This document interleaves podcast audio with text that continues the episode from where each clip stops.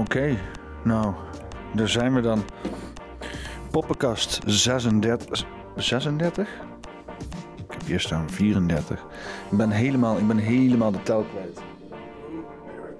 Zo, dan zie ik jou ook. Hey daar.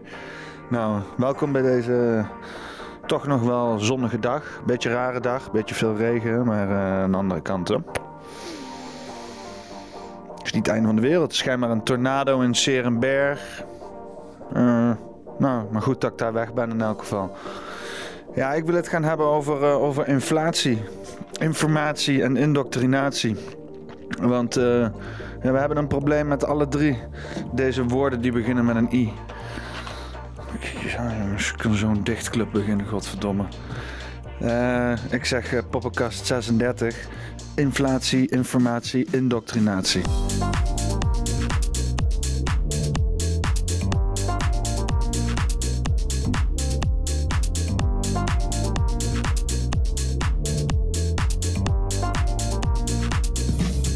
Ik uh, wil jullie gewoon even meenemen naar uh, 2008. Uh, en wij zaten ja, toch wel met z'n allen een beetje zo te koekeloeren naar wat er dan allemaal gaande was. Zo op het nieuws en dergelijke. 6% right now. Google about 3%, but Dell, Intel, Research Motion, and Microsoft are all to the upside. Look how strong. Did not disappoint. 400 points higher. Yes, indeed. The market's roar higher last 30 minutes of trading as volatility once again rules the day. Most of the techs this morning, if not all of them, have just exploded to the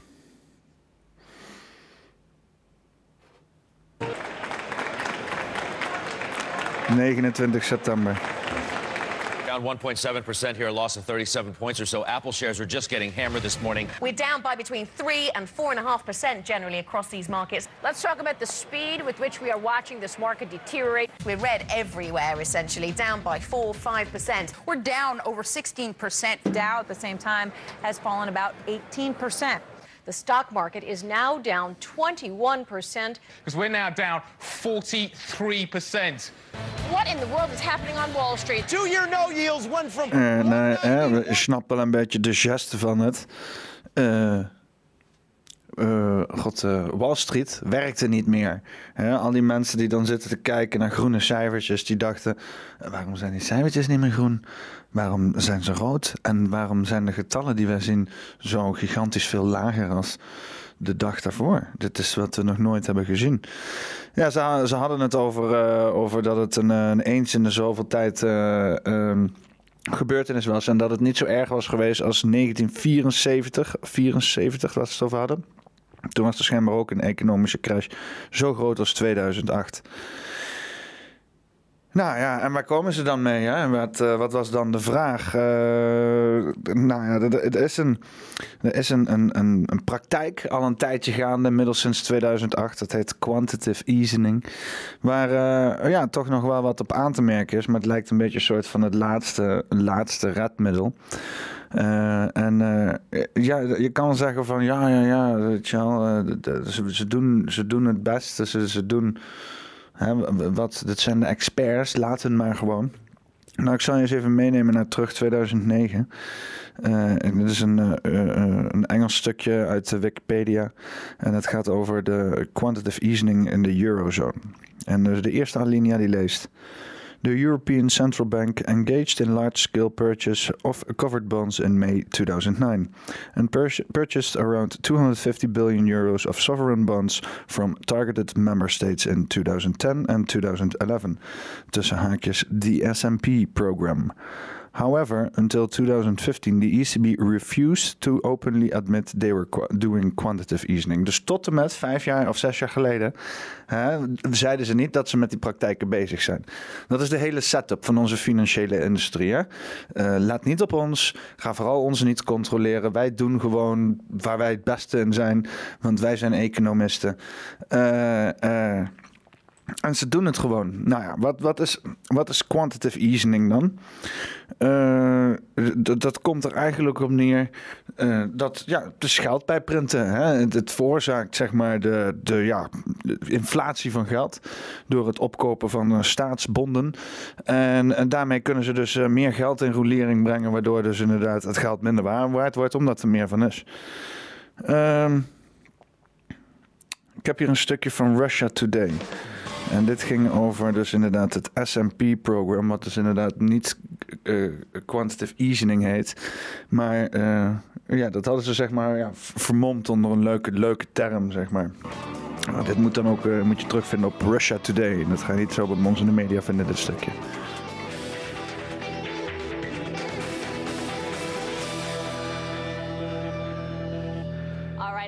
For Word of the Day, where we break down a financial term or concept for our very smart viewer, but just maybe not the financial expert. And today, given our conversation, it's very fitting because it is SMP, which stands for Securities Market program. You see it there. And to see how people are talking about it now, let's take a look at an article in the Financial Times where central bank president Mario Draghi is quoted as saying, we have not discussed a precise scenario for the SMP. As I often said, the SMP is neither eternal nor infinite. So, what exactly is this neither eternal nor infinite SMP? Well, we put together this definition from the European Central Bank's document, and it is this it's essentially a bond buying program that was formally established on May 14th. 2010 by the European Central Bank. The official purpose of the program is to... En, en, en dat is dus een leugen. Hè? Dus uh, dit, is nog, dit is nog zelfs Russia Today die probeert de leugen te, te onthullen, zeg maar.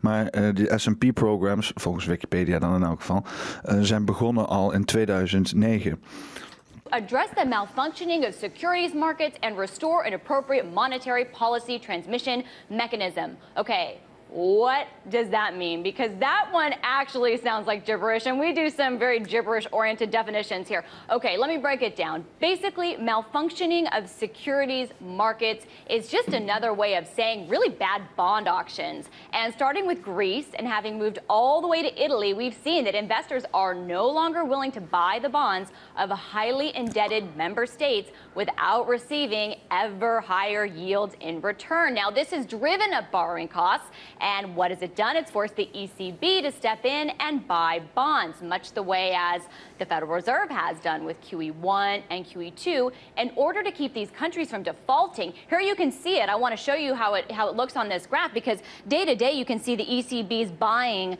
of, of uh, bonds through the S&P with that um, at that proportion. But then if you look at this black line, this is the cumulative amount that the ECB has taken on the purchases, and that's over 200 billion euros. So now there are questions too as to whether or not this is even constitutional because Article 125 of the Lisbon Treaty explicitly states that the EU shall not be liable or assume the commitments of central governments. Okay, so that seems... Ja, en daar ligt dus een beetje het euvel wat ik met jullie wil gaan bespreken. Het is Het, het, wordt er allemaal een beetje zo ingesniekt. Hè? Het wordt, er is niet zeg maar een soort van de EU wat toen hè, voor, ons wordt gelegd en zegt, ah, dit is wat ons plan is.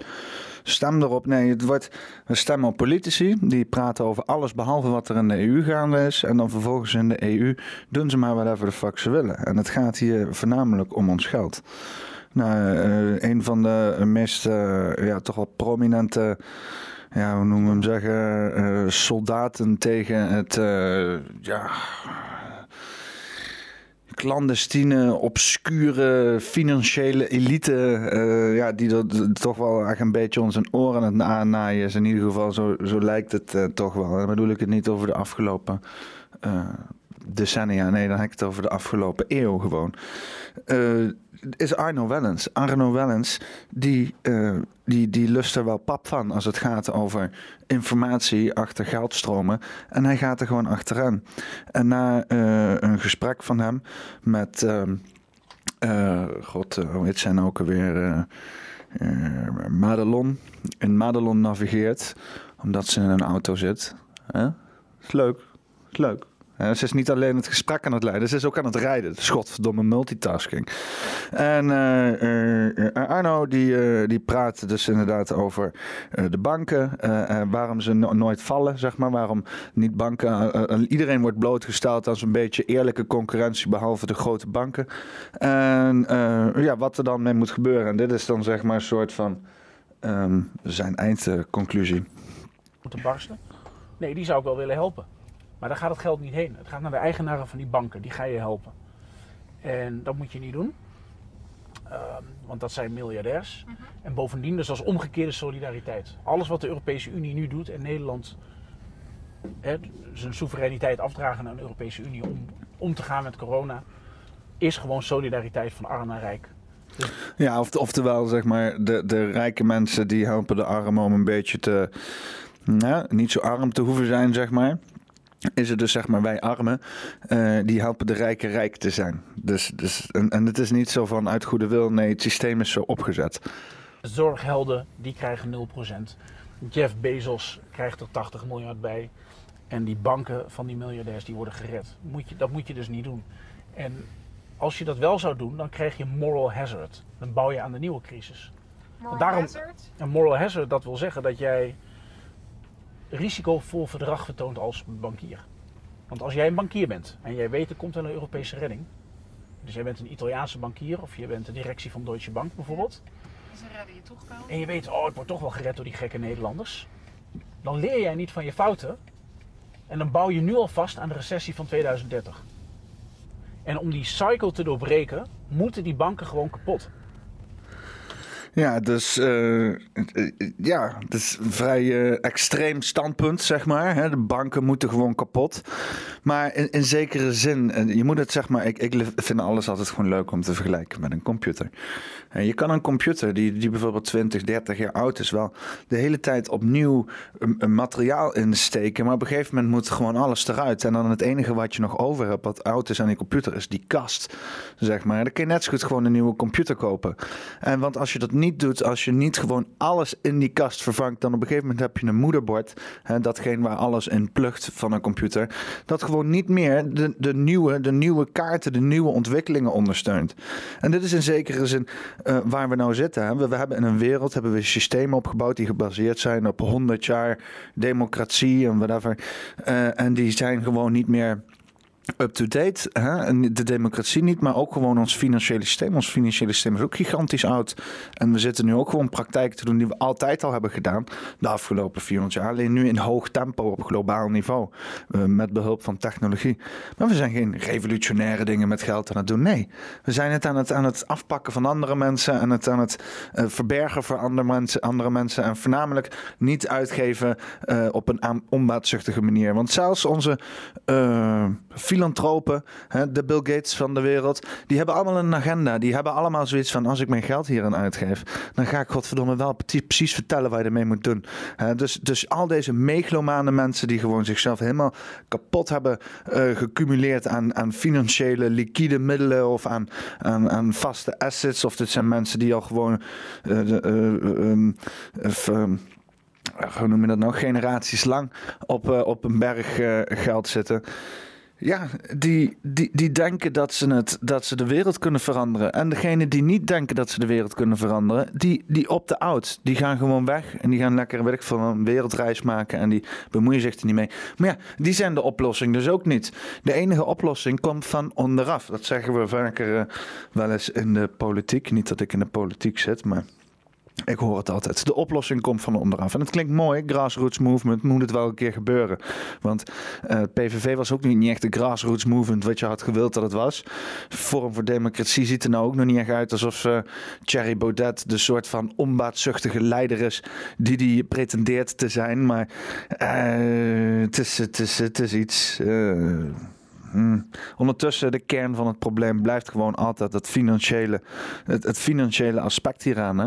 En, nu, zien, oh, oh, oh, en nu, zien, nu gaan we dat een beetje goed zien, want we hebben het systeem is dus zo opgezet dat het gewoon maximaal winst pakt en minimale moeite kost om die winst te pakken. En nu hebben we geen, we hadden geen buffers meer. Afgelopen anderhalf jaar lag de hele zooi stil, alles moest stoppen. Uh, olie, hè, olie bijvoorbeeld, die, dat, dat, liep, dat, dat was, was te veel olie. Je kon het niet meer opslaan. Ze waren op een gegeven moment mensen aan het betalen om de olie op te slaan. Dus ze zeiden op een gegeven moment van... hallo, ik ga nou even stoppen met maken, want dit kost me alleen maar geld. Maar dat is een zo'n robuust proces. Als je dat eenmaal stopt om dat weer op een gegeven moment opnieuw aan te jengelen, dat kost een hele hoop tijd. En dat heeft, net als als je in de file staat en er wordt vooraan geremd, dat je helemaal achter aan de file op een gegeven moment ja, ook stilstaat, omdat het helemaal doorgolft in al die schakels in het verkeer. Zo is dat nu dus ook op een gegeven moment op ons bordje gekomen. En zitten we dus in een, in een soort van crisis waar, ja, die gewoon gemaakt is. Uh, maar je ziet vooral zeg maar, hoe fragiel dat systeem is. Hè? Het is eigenlijk best wel idioot als je hier iets koopt, dat dat uit vijf plekken van de wereld moet komen voordat het daadwerkelijk een volledig product is. En als het dan hier is, is het niet eens een goed product. Dan gaat het binnen een jaar weer stuk en dan moet je weer ergens anders een product vandaan halen die uit vijf andere landen wordt geassembleerd. Maar ja, even terug naar vandaag. Uh, Economics Explained, Explained, Explained, die had een, uh, een uh, mooie short gemaakt waar toch heel even snel werd uitgelegd hoe dus inderdaad inflatie plaatsvindt, plaatsvindt zonder dat je het eigenlijk zelf doorhebt. Myself are very worried about inflation right now, particularly in the US. But what might be a more immediate problem is inflation's nasty little sidekick, shrinkflation. Companies, particularly those in the fast moving consumer goods space, will reduce the size of their products slowly but surely over time while maintaining the same price. A 10 pack of instant ramen for $2 becomes an 8 pack, and then a 6 pack, and then a 5 pack, all for the same $2. Now, companies don't actually make much more money by doing this because the cost to produce the final product in these markets tends to be very small. The difference between a 5 pack and a 10 pack of ramen will only be a few cents of manufacturing. But what it does allow the company to do is reintroduce that same 10 pack of ramen a few months later, slap a family size sticker on it, and call the new $3 price tag a bargain without anybody noticing it's not really a dollar off, it's 50% more than what we were paying just a few months ago. Ja, dus uh, uh, als je zoiets hebt van, uh, van, van oh, waarom gebeurt er dan niks? Waarom is er dan niks? Waarom is er dan niks aan de hand? Nou ja, want, want ik kan ook wel denken van, Peter, wat zeg je nou? Uh, er is toch, is toch gewoon duidelijk dat er iets aan de hand is. Nou, wat ze dus inderdaad bij nieuws hier proberen, proberen door te drukken, uh, is dus inderdaad een, een situatie waar er schijnbaar niks aan de hand zou moeten zijn. De inkomensverschillen in Nederland, denkt u dat die de afgelopen 30 jaar zijn toegenomen of zijn afgenomen? Ik denk toegenomen. Ze zijn gelijk gebleven. Oh, echt waar? Nou, dat had ik niet gedacht. Ja, nee, dat is verrassend. Want normaal met geld maak je geld. Dus de rijk worden rijk en de armen blijven armer. Nou ja, dat, dat is dan fantastisch. Ze zijn gelijk gebleven. Kijk aan. Ja. Eigenlijk wel verrassend, hè? Denkt u dat er meer mensen zijn met een, ja, in, die in armoede leven of minder? Ik denk meer. Het is minder. Oh, nou. Het is gehalveerd. Zelfs gehalveerd. Nou, kijk anders. Dan is het eigenlijk allemaal veel beter dan we dachten. Een meevalletje, een meevalletje. Dat is goed om te horen. Dat er minder armoede, dat is beter voor de mensheid. Ja. Waar doen we dan moeilijk over, hè, met z'n allen? nou, waar doen we toch moeilijk over met z'n allen? oh, misselijk, misselijk kutprogramma is Nieuwsuur toch, hè? Oh, alsof het Weet je wel, gewoon vervelend nieuws is één ding. Maar om gewoon een of andere dude in de hoek van de kamer te hebben zitten. En elke keer als je even niet upload, die dan gewoon in één keer met een of andere uh, prikker zo in je zij gaat zitten prikken. Zo. dat is nieuwsuur. Nieuwsuur loopt gewoon de boel op te naaien. Het zijn niet eens propagandisten. Het zijn gewoon uh, veredelde shockjocks die gewoon op zo'n beetje elk cultureel standpunt proberen heen te pissen om zoveel mogelijk interactie te krijgen voor een miserabele staatspropagandakanaaltje. Maar dat is een beetje de mening van iedereen volgens mij tegenwoordig over Nieuwsuur. Nieuwsuur heeft volgens mij zo'n beetje elke vorm van credibility verloren. Alleen dat ze weten hoe ze een camera moeten vasthouden. Maar daar het ook wel zo'n beetje mee gehad.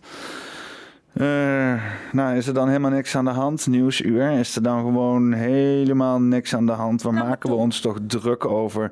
Hè, wat, al die mensen die zitten te bedenken over uh, dat ze nu. Oh, excuses. Dat ze nu.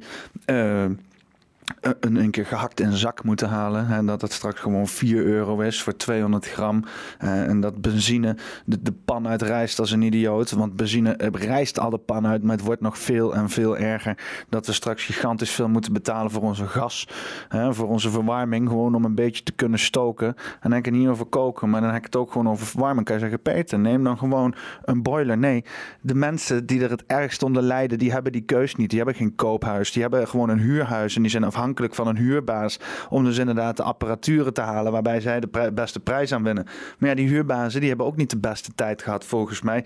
Dus ja, je krijgt straks gewoon een situatie waarbij iedereen gewoon ja, in huizen verplicht 600 euro per jaar moet bijbetalen. Omdat ze niet een ander systeem hebben om gebruik van te maken. Ik heb zoiets ook. Hè. Ik heb hier een stadsverwarming, collectieve energie. Hè. Dan wordt dan inderdaad hier gemaakt. En dan wordt allemaal warm water bij het gebouw in gepompt. En dan vervolgens kunnen wij daar de verwarming een beetje vandaan en uitzetten. Ja, ik betaal gewoon die prijs aan het eind van het jaar. Ik betaal een voorschot per maand. En als dat aan het eind van het jaar hoger uitvalt, omdat de, eh, de hele energiemarkt zo'n beetje is ingestort, dan betaal ik gewoon vette pegels aan het eind van het jaar. En ik kan daar geen ruk aan doen. Dat is dus een van de manieren hoe we dus gewoon wederom keihard genaaid worden. En dan, ja, dan, dan ja, A difficult transition to green energy. vraag je toch af waarom. You can blame our world leaders for this. They did not prepare a roadmap for climate action. They did not invest in green energy, not enough.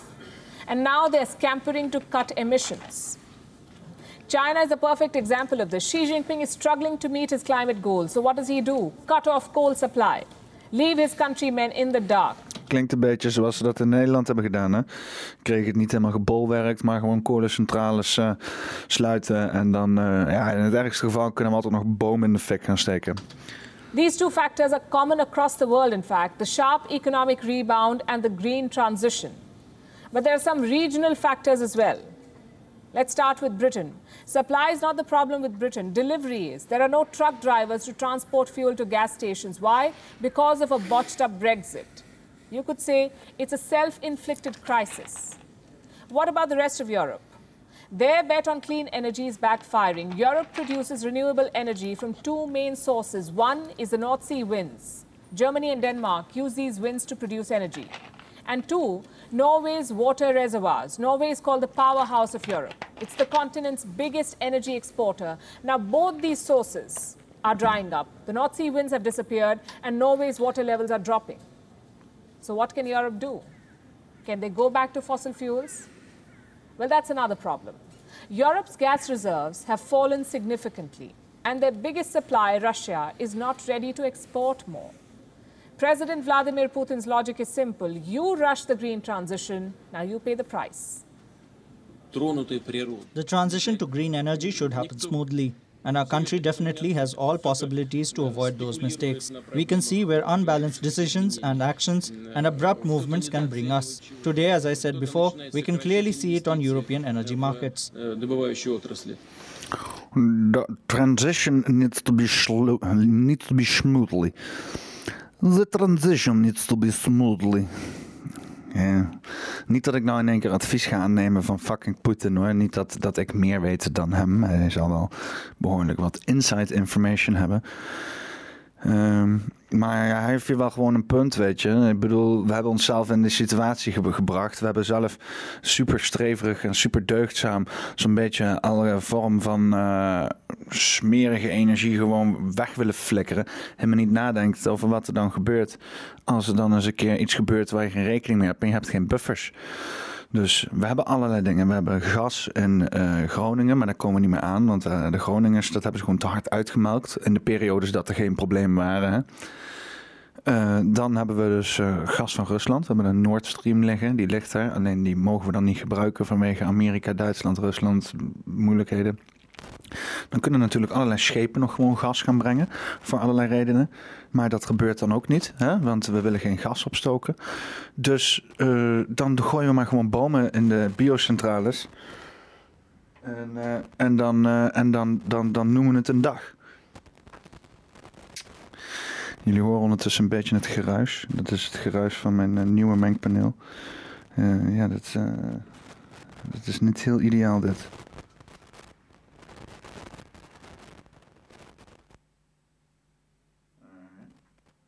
Dus dit is het beter. Nou, ik hoop dat dit beter is. In ieder geval. Ehm, een hoop energiecrisis. En eh, eh, we komen er niet ten onderuit. Alles wordt gewoon gigantisch duur. Boodschappen worden gigantisch duur. Onze loon gaat niet omhoog. Eh, alle subsidies die worden niet hoger. Die worden eigenlijk alleen nog maar minder. Wat is dan een manier om geld te verdienen in deze tijd? Nou, ik zal je wat zeggen. De Nationale Vriendenloterij die heeft daar gewoon een fantastisch, fantastisch plan voor bedacht. En samen met John de Mol rollen ze deze Hunger Games-achtige Squid Games gewoon uit voor ons neus. En bedenk je, Ik ga nu de danspaar noemen. Vriendenloterij is, de eh, is van de staat, hè? Is geëindigd. Dus het is een bedrijf van de staat die dus Met nu inderdaad geld gaat weggeven. Alleen op het men- op het moment als mensen maar van 50 drie uur hebben gedanst. 9 minuten en 38 seconden. Wij zijn allemaal trots op jullie. Linda en Meisam. En dit, dit is de verliezer. Gedaan? Echt fantastisch gedaan. Wees daar alsjeblieft trots op. Ja, ja, ja, ja, ja.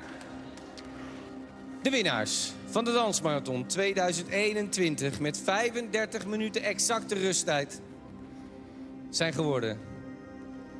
Koppel 89 Tawata en Jermaine! Kijk, kijk haar hoofd. Ze kan niet eens meer blij zijn. Ja. Het is... En het is gewoon, ja, het is gewoon pijnlijk om te zien, weet je. Wow. Fantastisch. Ik heb. eh,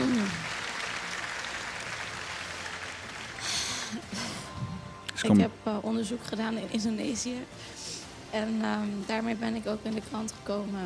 Ehm, en ja, het is, het is gewoon een trieste vertoning. Hè? Dit is wat mensen moeten doen als ze gewoon een huis willen aanschaffen. Het is niet meer gewoon werken en je tanden erin zetten en gewoon een goed leven leiden. Nee, je moet 50 uur dansen op staatstelevisie om een beetje geld bij elkaar te kunnen schrapen. Zodat je inderdaad verder kan in het leven.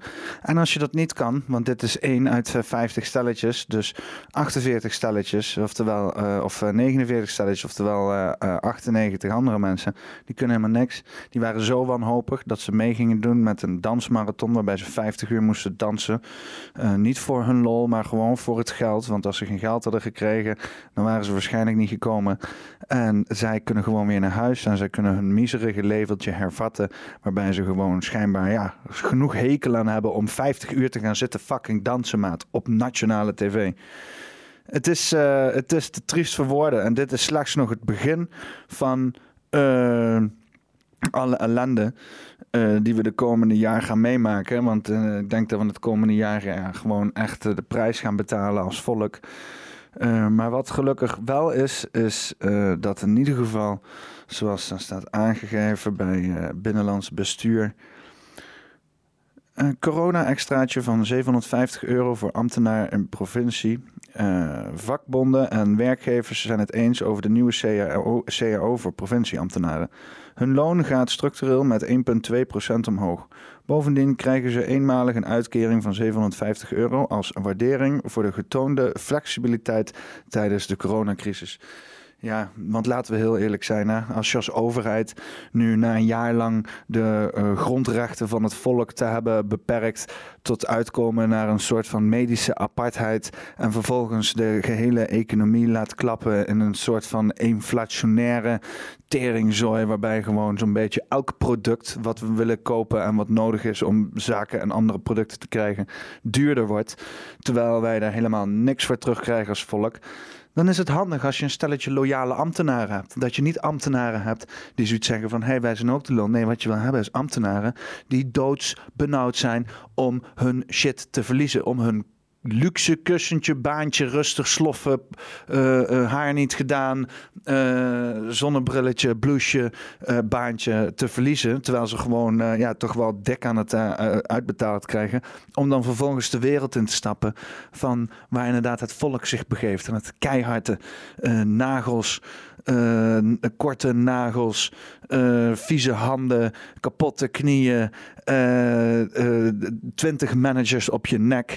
eh, elke dag 40 uur, 40 uur per week grinden, minimaal aantal vakantieuren en dan vervolgens thuiskomen. En wat is er dan gedaan? Helemaal niks. Dan ligt de afwas daar, dan ligt de was daar, dan is alles gewoon nog steeds hetzelfde. Want jouw partner moet precies hetzelfde doen. Die is niet thuis om jou te helpen met het huishouden. Nee, jullie komen samen thuis in een verrot kut huishouden. Wat niet gedaan is, want een schoonmaakster is niet te fucking betalen.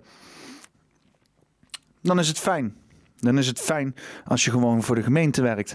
Waarbij je gewoon een schoonmaakster kan inhuren. Waarbij je gewoon op je baantje rustig uit je neus kan zitten vreten, pantoffels dragen. En als je thuis komt, dat er dan gewoon ja, eh, iemand zit die waarschijnlijk parttime werkt. Omdat jullie allemaal inzichten hebben in hoe de inderdaad eh, overheidsgelden goed ge- ge- geregeld kunnen worden voor de benefiet van desbetreffend huishouden van ambtenaar.